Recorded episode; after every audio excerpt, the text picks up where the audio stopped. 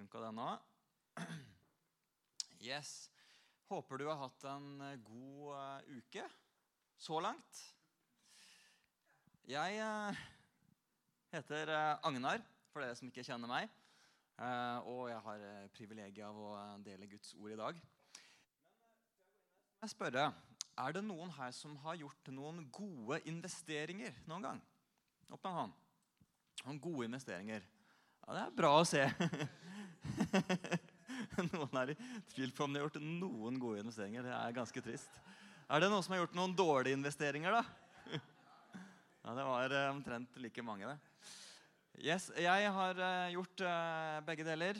Noen gode, noen dårlige. Og det siste halve året så har vi Jeg skal bare skal redde den kaffen før jeg sparker den ned. Siste halve året har jeg gjort noen skikkelig dårlige investeringer. Nei, Nei men uh, det siste halvåret har vi hørt om uh, flere politikere som har gjort noen uh, investeringer som virka veldig gode i de øyeblikk, det øyeblikket de ble gjort. Og så på sikt så har det vist seg at kostnaden kanskje var høyere enn det de hadde regna med. Og at de viste seg å ikke være så veldig gode likevel. I dag så skal jeg faktisk tale om investeringer. Men jeg skal ikke snakke først og fremst om penger. Men jeg skal snakke om det å investere i mennesker. Fordi at det å tjene Gud, det, det handler jo egentlig om å tjene mennesker. Og nå er jo temaet i øh, høst det har jo vært for, øh, ikke forfølgelse, nei. Etterfølgelse. Etterfølgelse. Eh, og, og som vi skal se på, Jesus han var jo alltid opptatt av mennesker. Alltid opptatt av å kunne investere inn i andre mennesker. Så å følge Jesus, det handler om å investere i mennesker. I tidlig høst så var det en student eh, som eh, heter Helene Asphaug. Eh, hun hadde en kronikk på nrk.no som hun kalte 'Meg, meg, meg'. Kanskje du har lest den, fikk litt oppmerksomhet. Eh, og den hadde som undertittel 'Velkommen til en generasjon som ser dypt inn i sin egen navle uten å skjemmes'. Og Helene hun er litt sånn frustrert. Når hun ser rundt seg, så føler hun at vi liksom en, lever i en tid hvor folk blir mer og mer egosentriske. Mer og mer opptatt av egne preferanser. Og Spesielt så tar hun et oppgjør med en del av dagens influensere. Som eh, hun mener eh, promoterer selvutvikling på en sånn måte at det går over i egoisme eh, og går på bekostning av nære relasjoner med andre mennesker. Og hun skriver overalt annet sikter de mot et liv der du kun trenger å tenke på din egen velvære, dine egne prosjekter og din egen optimalisering. Det er vanskelig å gjøre når man alltid skal ha nære venner og relasjoner å bry seg med. Å forholde seg til andre mennesker det kan jo være litt eh, slitsomt. det. Eh, For det første så kan det være at de forventer noe av deg. Eh, Og for det andre så kan det være at deres interesser går på tvers av dine interesser. Og jeg kan jo bare vi, I Norge vi, er, vi lever i en tid ikke sant, hvor vi vil være superindividualister. Vi vil liksom, jeg vil gjøre sånn som jeg vil. Det er det jeg liker. og trenger ikke gå lenger enn til eh, lørdagskveld hjemme hos familien Mostad. Hjemme hos oss. Jeg husker Før når barna var mindre, så var det ikke uvanlig at vi kunne liksom samles, eh, spiste noe godt og, og eh, kanskje så en film sammen. Hadde en sånn fellesopplevelse. Det har blitt vanskeligere og vanskeligere. Og nå kan jeg liksom oppdage rett som det er liksom at en lørdagskveld så sitter vi i hvert vårt rom med hver vår skjerm og har valgt liksom, eller ofra det sosiale fellesskapet til fordel for egne preferanser. For jeg vil se noe som jeg har lyst til å se. Og Jeg, vet ikke om det er sånn hjemme hos deg, men kanskje, kanskje kjenner du det litt igjen. jeg vet ikke. Vi ser det her i eh, frivilligheten eh, også. Den har jo hatt litt sånn tøffe kår etter pandemien. Og jeg så litt sånn forskning fra noe som heter Senter for forskning på sivilsamfunn og frivillighet. De burde finne et kortere navn, spør du meg. Men de, de gjennomførte en undersøkelse i fjor eh, som viste at etter pandemien så har det vært lavere aktivitet i frivillig sektor. Det har vært vanskeligere å rekruttere. Det har vært nedgang i frivillig arbeid. Og det har vært reduserte inntekter. Og Det er jo kanskje ikke så veldig rart eh, på slutten av en pandemi at vi ser de her effektene. Men det tegner jo et bilde. ikke sant? Det, det, kanskje det bekrefter inntrykket man har. At det kanskje vi bruker litt mindre tid med hverandre. Litt mer tid for oss sjøl.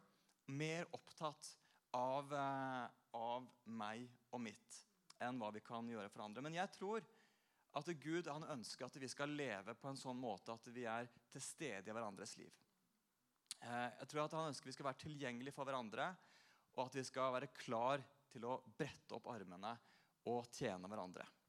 Så det skal jeg si litt om nå. Eh, så starter jeg, eller fortsetter med en bønn før jeg går videre på det. Takker deg, Jesus Kristus, fordi at du er her midt iblant oss. Og jeg takker deg for at du kom til jorda for å være iblant oss og investere i mennesker. Og nå ber om at eh, vi skal få se det forbildet som dere presenterer, og lære av deg. Og jeg ber om at du skal hjelpe meg nå til å sette ord på dette på en måte sånn at jeg kan bli til hjelp. I Jesu navn. Amen. Ja, jeg innleda med de her politikerne da, som, eh, som gjorde noen, eh, noen, litt sånn uheldige investeringer. da. Og Nå har jo Jonas Gahr Støre satt foten ned, skjerpa inn reglene. Så han har jo sagt det at Enten så eh, skal du være statsråd, enten må du selge aksjene, eller så må du fryse aksjene, eller så må du sette de bort til forvaltning hos en forvalter. Og En forvalter ifølge Store norske leksikon, det er en person som bestyrer eller administrerer noe. Ofte på andres, særlig eierens, vegne. Men det som er interessant, det er at Bibelen omtaler deg som en forvalter. Du er en forvalter som skal forvalte noe på noen andres vegne. Og Det ser vi i en lignelse som eh, ble kalt 'lignelsen om talentene'. Og Den eh, skal vi få opp på skjermen. Den står i Matteus 25. Da skal vi lese den. Jesus sier altså Det er som en mann som skulle dra utenlands. Han kalte til seg tjenerne sine og overlot dem alt han eide. En gang fem talenter, en annen to og en tredje én talent. Etter det hver enkelt hadde evne til. Så reiste han. Han som hadde fått fem talenter, gikk straks bort og drev handel med dem og tjente fem til. Han som hadde fått to talenter, gjorde det samme og tjente to til. Men han som hadde fått én talent, gikk og gravde et hull i jorden og gjemte sin herres penger. Da lang tid var gått, kom tjenernes herre tilbake og ville holde regnskap med dem. Han som hadde fått fem talenter, kom fram og hadde med seg fem til, og sa, 'Herre, du ga meg fem talenter. Se, her har jeg tjent fem talenter til.' Herren hans svarte, 'Bra, du gode og tro tjener. Du har vært tro i lite. Jeg vil sette deg over mye.' Kom inn til gleden hos din herre. Også han med to talenter kom fram og sa, 'Herre, du ga meg to talenter. Se, jeg har tjent to til.' Herren han svarte, 'Bra, du gode og tro tjener. Du har vært tro i lite. Jeg vil sette deg over mye. Kom inn til gleden hos din herre.' Så kom også han fram som hadde fått én talent, og sa, 'Herre, jeg visste at du er en hard mann som høster hvor du ikke har sådd, og sanker hvor du ikke har strødd ut.' Derfor ble jeg redd og gikk og gjemte talenten din i jorden. Se, her har du ditt. Men Herren svarte ham, du dårlige og late tjener. Du visste at jeg høster hvor jeg ikke har sådd, og sanker hvor jeg ikke har strødd ut. Da burde du ha overlatt pengene mine til dem som driver med utlån, så jeg kunne ha fått dem igjen med renter når jeg kom tilbake. Ta derfor talenten fra ham og gi den til han som har de ti talentene. For den som har, skal få, og det i overflod men den som ikke har, skal bli fratatt selv det han har. Ok, vet du hva? Jeg tror at Gud han vil at du skal være en god forvalter. En god forvalter av tida di, en god forvalter av eh, pengene dine, en god forvalter av talentene som han har gitt deg. Fordi at eh, her I den lignelsen så er jo talenter er jo på en måte en, en myntenhet eller en valuta. Men, men, i vårt språk så har det jo fått eh, en veldig interessant betydning. da. For Gud han deler jo ut talenter, han gir deg evner, han gir deg ting som du kan bidra med, som du kan investere inn i andre mennesker. Og det vil Gud at du skal bruke. Og så ser vi her at eh, alle får ikke like mange talenter. Og det kan jo være litt frustrerende. Vi kan jo bare, eller jeg kan bare se rundt meg og så se at nei, det, det er noen som har fått flere talenter enn meg. Men det er ikke det viktige. Det viktige er at du investerer og bruker det du har fått. Og Det er et sånn uttrykk i språket. da. Eh, hvis noen kanskje imponerer på en litt overraskende måte, så sier vi ah, hun, har jo et skjult talent. Men eh, Egil Svartdal han er en fin fyr. og eh, Jeg mener på han skal ha sagt det at eh, på gravstøtta hans, når den tid kommer, så vil han at det skal stå han hadde ikke et eneste skjult talent. og det er noe med det at Talentene våre de, de er jo ikke til for å skjules, men de skal brukes, og de skal investeres. Og så ser vi også det at Når vi investerer det Gud har gitt oss, hva skjer da? Jo, da får vi mer. Da får vi mer tillit. Gud gir oss nye muligheter til å tjene andre. Paulus han sier noe interessant i Efeserne 5. Han sier, 'Pass derfor nøye på hvordan dere lever.' Ikke som ukloke mennesker, men som kloke, så dere bruker den dyrebare tiden godt. For dagene er onde. Vær ikke uforstandige, men forstå hva som er Herrens vilje. Det Paulus sier her, det er at tida vår er dyrebar. Og så sier han at derfor, Fordi den er dyrebar, så trenger vi å bruke den godt. Og skal vi bruke den godt, så tror jeg vi trenger å bruke den på andre mennesker. Investere i andre. Og så skal vi se nå liksom hvordan, hvordan forholdt det her seg i livet til Jesus. Hvordan var han når det kom til relasjoner?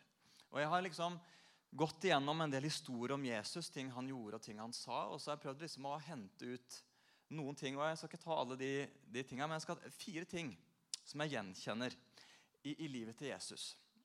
Eh, og Det første det var at Jesus han var faktisk intensjonell. Og han hadde tydelige prioriteringer. Og det ser vi f.eks. at Jesus han kom faktisk til jødefolket. Og han hadde en spesiell oppgave i å nå jødefolket. Og Det gjorde faktisk at Jesus av og til hadde liksom prioriteringer. For han, han, var ikke sendt til alle folkeslag. Eh, altså Hans isolerte tjeneste var retta mot jødene. og Det gjorde at Jesus hadde noen prioriteringer.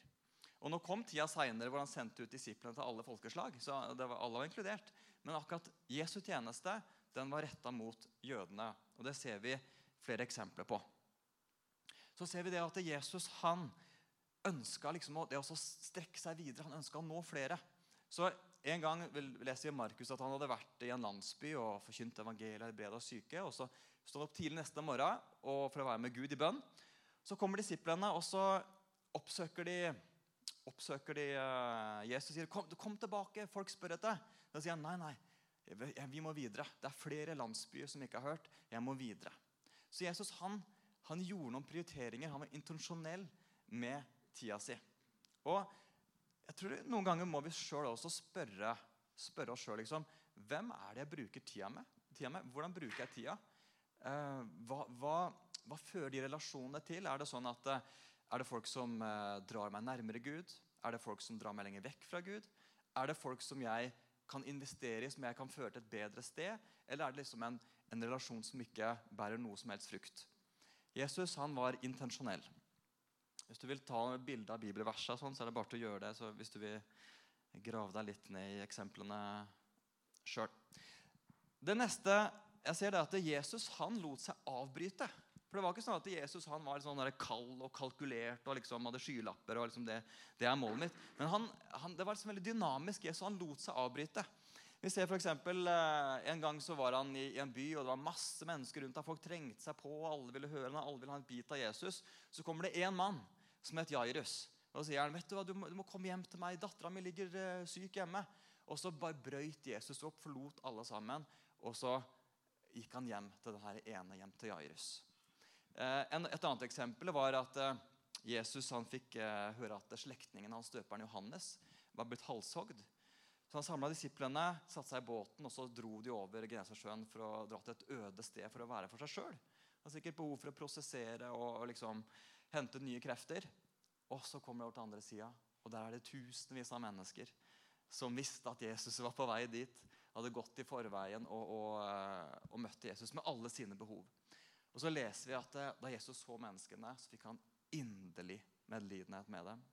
Så hadde Jesus en agenda, og satte han agendaen til side. Og så begynte han å betjene menneskene som var der. Jesus lot seg avbryte. og det, det sånn tror jeg for oss også at det er viktig at vi Hjertet vårt er påkobla. Altså. Det er mye behov, det er mye nød. La oss være påkobla andre menneskers behov. Det neste jeg ser, er at Jesus han prioriterte den ene. Fordi at Ofte så var Jesus sammen med hundrevis, kanskje tusenvis av mennesker. Og Noen ganger så kunne han ikke være liksom, med ulike sted, for det var for mye mennesker. Eh, og Selv om det var så mange mennesker som ønska en bit av Jesus, så ser vi så mange ganger at Jesus han oppsøkte én og én. Vi ser det med Jairus, som jeg nevnte. Vi ser det med Sakkeus. Vi ser det med Nikodemus, med Lasarus, kvinnen ved brønnen. Vi ser det med Martha og Maria. Og i siste historien, så Martha hadde jo ikke egentlig tid til Jesus, selv om han var hjemme også. Men Jesus han satte av tid for å være med Martha og Maria.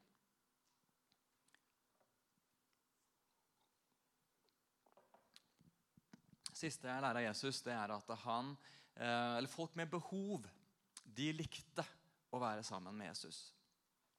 Og Jesus han fikk jo faktisk en del pepper fra de, de religiøse fordi at de mente han eh, hang sammen med feil type folk. Folk han ikke egentlig burde henge med.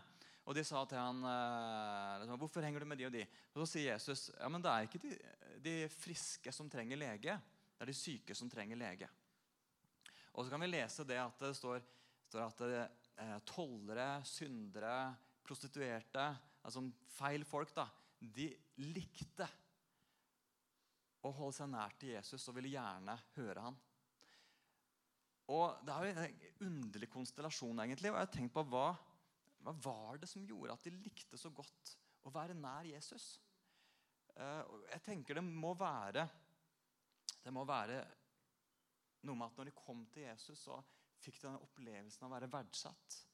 Av å være inkludert, være elska.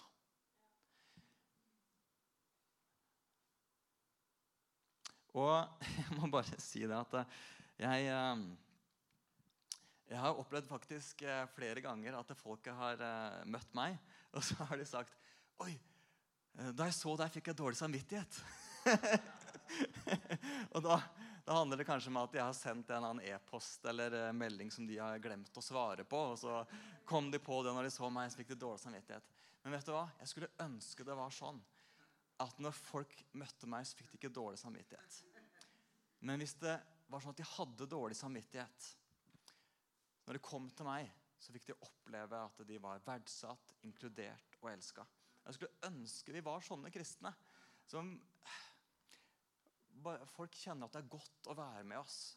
Ikke fordi vi liksom aksepterer alt og sier alt er greit, noe, men at det, de bare kjenner at det her er det folk som vil meg vel. I Filipperne 2,5 så, så sier Paulus La samme sinnelag være i dere som også var i Kristus Jesus. Det eksempelet Jesus viser, det er for at sånn skal vi også leve. Og jeg må si at Det der utfordrer meg også. Jeg er jo egentlig skrudd sammen sånn at jeg er en sånn ganske sånn oppgaveorientert person. Og eh, Iblant kan det gå litt utover den oppmerksomheten jeg har eh, til mennesker rundt meg som jeg faktisk kan bety noe, en forskjell for. Men jeg vil våge å påstå at hvis, hvis livet ditt handler om meg, meg, meg, da tenker jeg at du ikke er en etterfølger av Jesus. For det var ikke sånn Jesus levde. Etterfølgelse handler om å leve som Jesus. Ok, så eh, Hvilke mennesker skal vi investere i?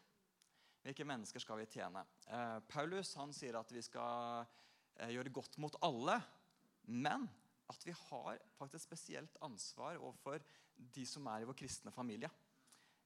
I Galaterne 6,10 så sier eh, Paulus.: La oss gjøre godt mot alle, så lenge det er tid, og mest mot dem som er vår familie i troen. Og Paulus han bruker et sånn eksempel for å, liksom, å forklare det her. Da. Han sier at eh, med oss kristne så er det på en måte som at vi er ulike kroppsdeler på en kropp. Eh, noen er hender, noen er føtter, noen er øyne, noen er ører osv. Og, og så har vi ulike oppgaver, vi har ulike kanskje styrker og vi har ulike evner.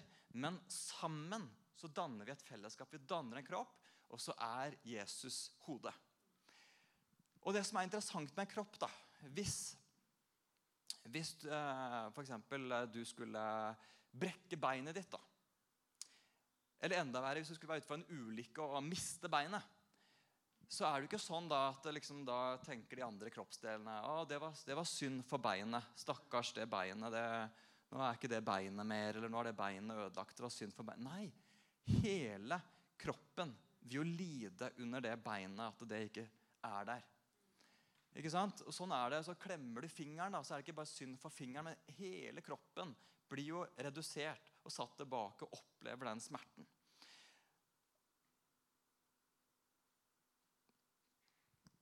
Og Én ting er jo de her eh, ytre kroppsdelene våre som er veldig synlige. Men hva med de indre organene? da? Altså Hvis leveren skulle ta pause, da ville jo kroppen eh, bli sjuk og dø. Og kanskje er det det som skjer også, hvis vi ser rundt på landet vårt. at det er jo, det er jo menigheter som eh, faktisk eh, sliter veldig, og faktisk noen som eh, må, må, må, gi tapt og, og, må stenge ned. da. Kan det være fordi det er noe noen av de her kroppsdelene at det ikke er i funksjon?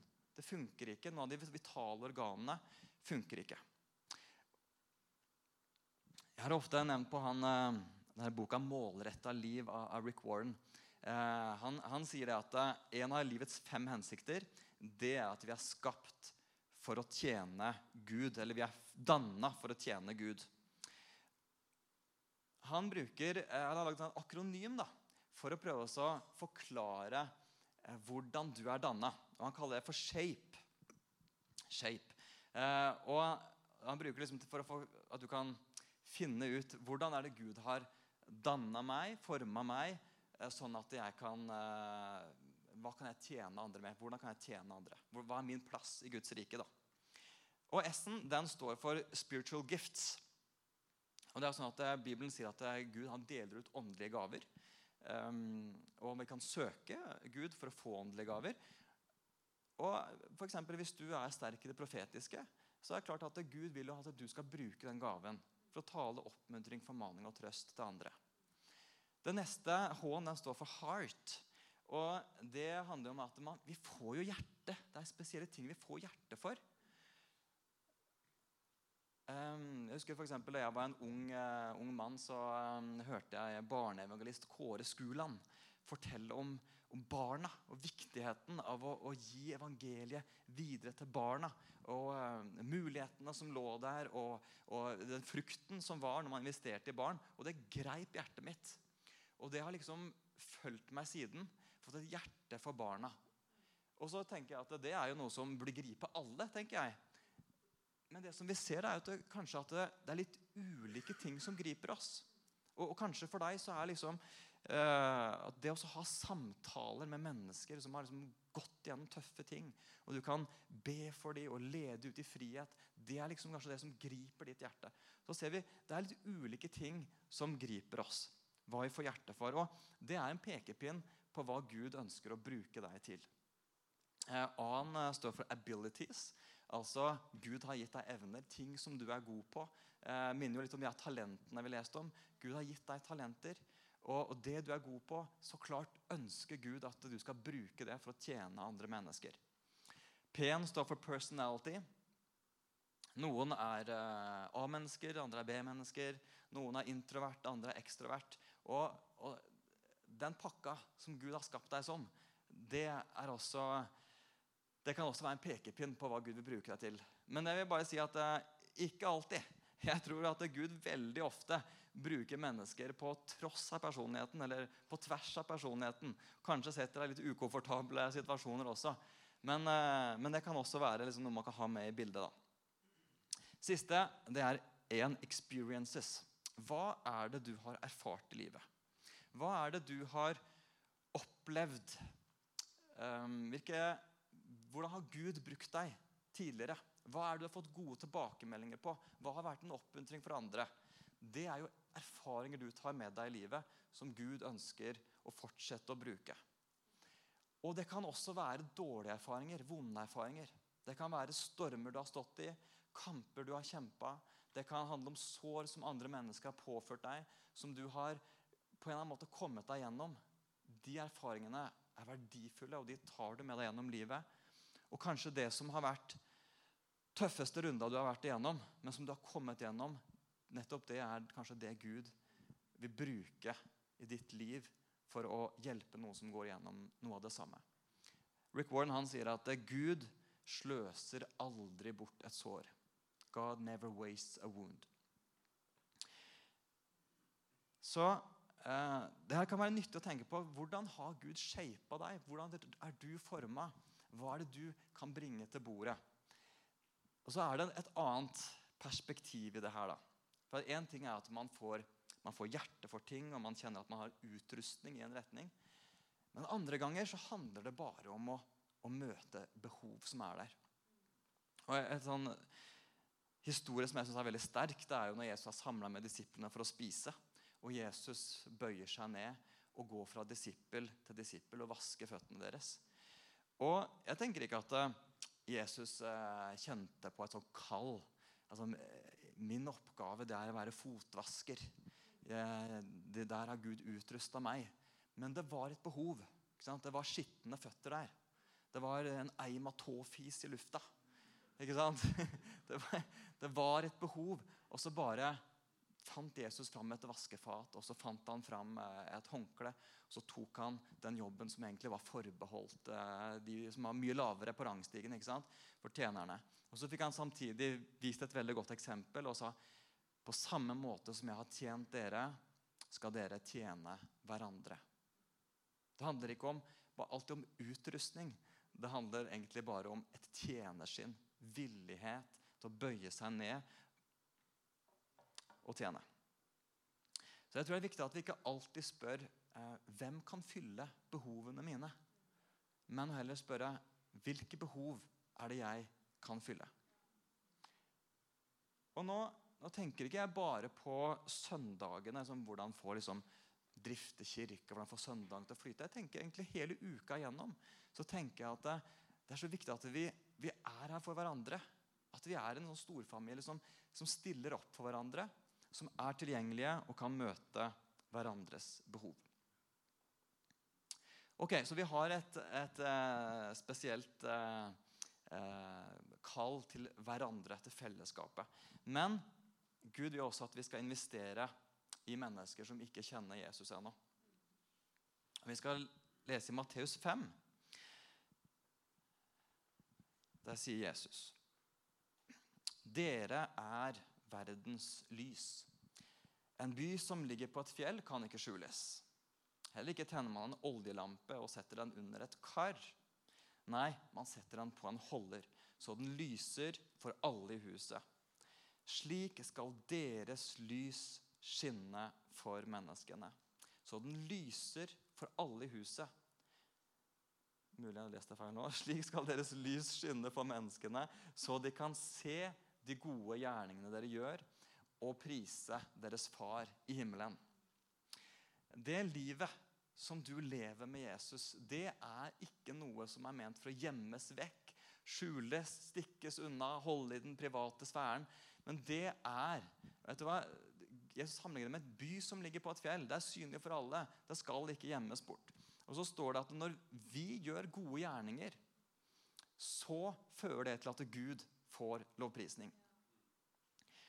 På samme måte som Jesus han var jo liksom opptatt av å gå videre til neste landsby. Flere måtte høre.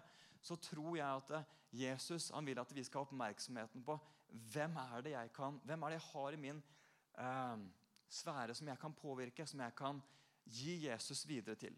Og Noen ganger så skjer det gjennom det vi sier, når vi deler evangeliet med andre. Andre ganger så skjer det ved at vi demonstrerer Guds kjærlighet gjennom de gode gjerningene vi gjør. Og Jeg skal fortelle historie om, om Lilly, hvis vi får opp eh, bildet av henne her.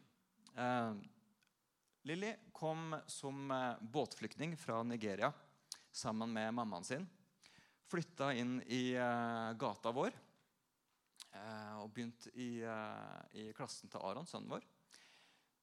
Her på bildet tror jeg er ca. sju år. Eh, vi ble veldig glad i Lilly fikk veldig hjerte for henne. Og jeg tror hun hadde det nok ikke så veldig trygt hjemme. Så eh, hun var hjemme hos oss eh, kanskje flere ganger i uka og spiste middag med oss. Eh, vi eh, ble som en del av familien. Vi tok henne med på turer. kan få opp neste bilde her. Tok henne med på turer, ga opplevelser. Vi hadde henne med her i kirka og fikk høre om Jesus. Og eh, Hun ble med gjerne hjem til skolen, og vi eh, hjalp henne med leksene. Hun satt og leste leseleksa med og strevde litt med matematikken. husker Jeg så vi, jeg tok fram noen sånne småstein og så satt jeg på rommet til Aron og plussa og, og, eh, la sammen og trakk fra. Um, kan ta opp neste bilde.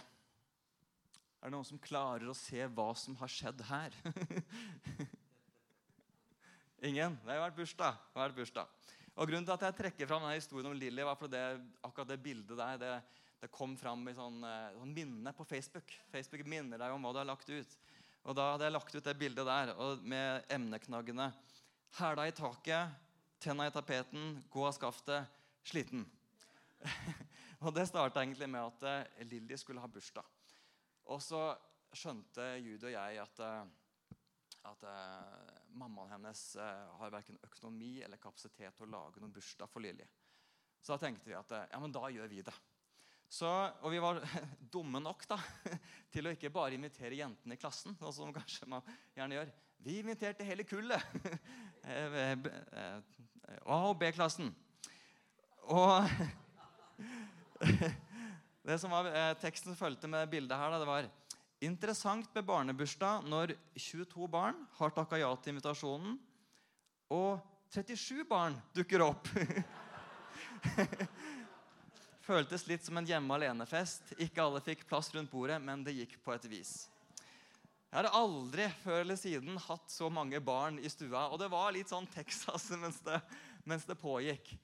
Men alle de 37 barna som var der, de var der for å feire Lilly. At Lilly hadde bursdag. Og den feiringa ville hun aldri hatt hvis ikke. Og jeg tipper at hun aldri hatt en sånn feiring verken før eller siden. Lilly fikk dessverre ikke lov å bli i Norge, så eh, hun og mamma ble sendt tilbake til eh, Nigeria. Så jeg mista kontakten med de nå og har de med i, i bønnene mine.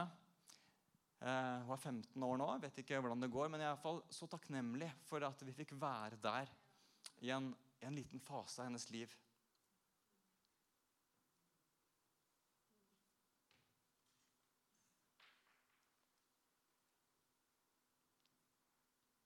i den perioden som hun bodde i gata vår. Så hører jeg med andre her i kirka òg som eller kjempefine historier jeg hørte om noe som eh, har sånn liten samling med barna når de spiser frokost om morgenen. og har en liten andakt, og så ber de sammen. Og så hørte jeg at det var sånn, en nabobarn som, eh, som, kom inn, for det var før skolen. Som kommer inn og blir med på denne morgensamlinga med familien. Sitter der og ber ber med familien. Jeg syns det er så bra når vi er til stede for hverandre. Når vi kan investere i de menneskene som vi har mulighet til å, å påvirke.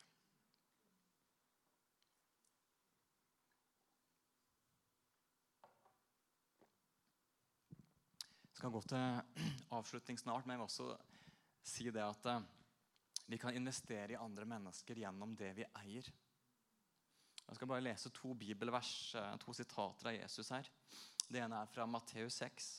Dere skal ikke samle dere skatter på jorden, hvor møll og mark ødelegger, og hvor tyver bryter inn og stjeler. Men dere, skatt, nei, dere skal samle skatter i himmelen.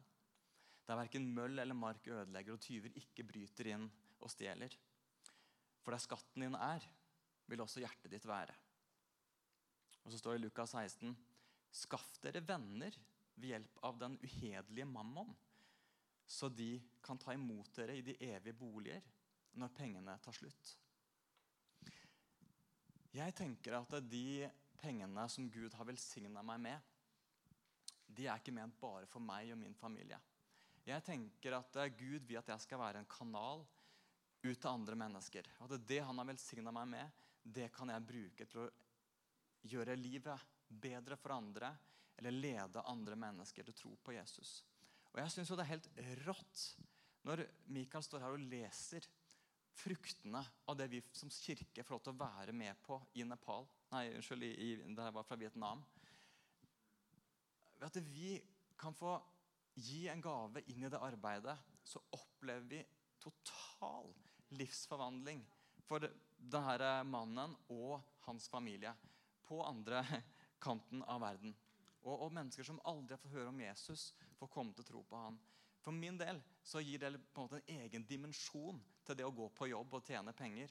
Når jeg ser den verdien det jeg har, kan investere i andre, hvilken frukt det kan gi. Og jeg tror ofte så er den beste investeringen du kan gjøre med pengene dine, det er rett og slett å gi dem bort. Og på Hvis eh, du Pål, har lyst til å eh, komme opp igjen og klimpe litt her, så skal jeg ta og lande litt. Og jeg snakka om å investere i mennesker, og, og, eh, jeg vet ikke helt hvordan det her ser ut i ditt liv. Og, og jeg vet at mange her som lever det her livet. Eh, og det her er en viktig verdi for deg. Og jeg bare heier på det og bare tommel opp. Og så er det kanskje noen som tenker at, at ja, kanskje jeg har, har mer å gå på. Kanskje jeg må faktisk løfte blikket mitt litt og se hvilke muligheter som har. For Gud har også gitt meg noen talenter som jeg trenger å investere. Og, og for deg kanskje handler det om å begynne å bygge relasjoner. Være intensjonell og bygge noen relasjoner. Kanskje prioritere hvem du investerer i. Kanskje handler det om å invitere noen naboer. En litt sånn mer radikal kanskje handler det om å bli fosterhjem. Kanskje handler det om å åpne opp eh, huset ditt for ungdommen i kirka. Kanskje er det noen du vil disippelgjøre? Kanskje skal du starte en Connect-gruppe? Kanskje er det et ektepar som eh, du skal veilede? Kanskje er det noen barn i nabolaget som eh, barna dine leker med, som du kan gjøre noe for? Kanskje skal du begynne å investere fast i et misjonsarbeid? Eller kanskje er det, skal du melde deg for en tjeneste i kirka? Altså, det kan, det kan se så ulikt ut for, for hver enkelt av oss. Men hvis vi kan løfte blikket fra meg, meg, meg og tenke hvem mennesker er det jeg kan bety en forskjell for, så tror jeg det kan, det kan skje store ting. da. Og jeg vet ikke hvor mange talenter du har fått. Og Det er ikke egentlig viktig, men det som er viktig, det er at du investerer det. Så ikke når du skal møte en gud en gang, så, så går du og graver det opp av jorda og så børster liksom bort jorda. og så vær så god, her har du tilbake det du fikk. Jeg gjorde ingenting med det. Nei, men at han kan si Wow, godt gjort, du gode og trofaste tjener. Takk for hva du gjorde. Takk for at du brukte det som jeg ga deg, for å gjøre livet bedre for andre, for å lede mennesker til tro på meg. Albert eh, Schweitzer Jeg vet ikke hvordan han uttaler navnet sitt. Han var jo en eh, fransk teolog. Litt sånn eh, akademisk anlagt type, vil jeg tro. tok også legeutdannelse. Hadde sikkert en god lysende fremtid foran seg i, i, Frankrike. Men han valgte å dra til fransk Kongo og starta sykehus for menneskene i koloniene. Og han har et sitat. Han sa de eneste virkelig lykkelige menneskene er de som har lært seg hvordan de skal tjene. Det har jeg trua på, altså. Så vi skal synge litt sammen, eh, alle sammen nå. Så kan du få straks reise deg opp. Men jeg vil at du skal være innenfor Gud, og så skal du spørre Gud om han kan minne deg på Er det noen mennesker som, eh, som du skal begynne å investere i? Eller er det et eller annet område, en eller annen tjeneste du skal ta tak i? Og Hvis du opplever at Gud minner deg på noe, så at du skal ta fram telefonen og så skal du skrive det ned. Skrive ned det navnet du får, eller skrive ned de tankene du får. Og så handler vi på det. Så går vi på det, og så, og så skjer det en forskjell i våre liv. Yes, Da kan vi ta oss og stå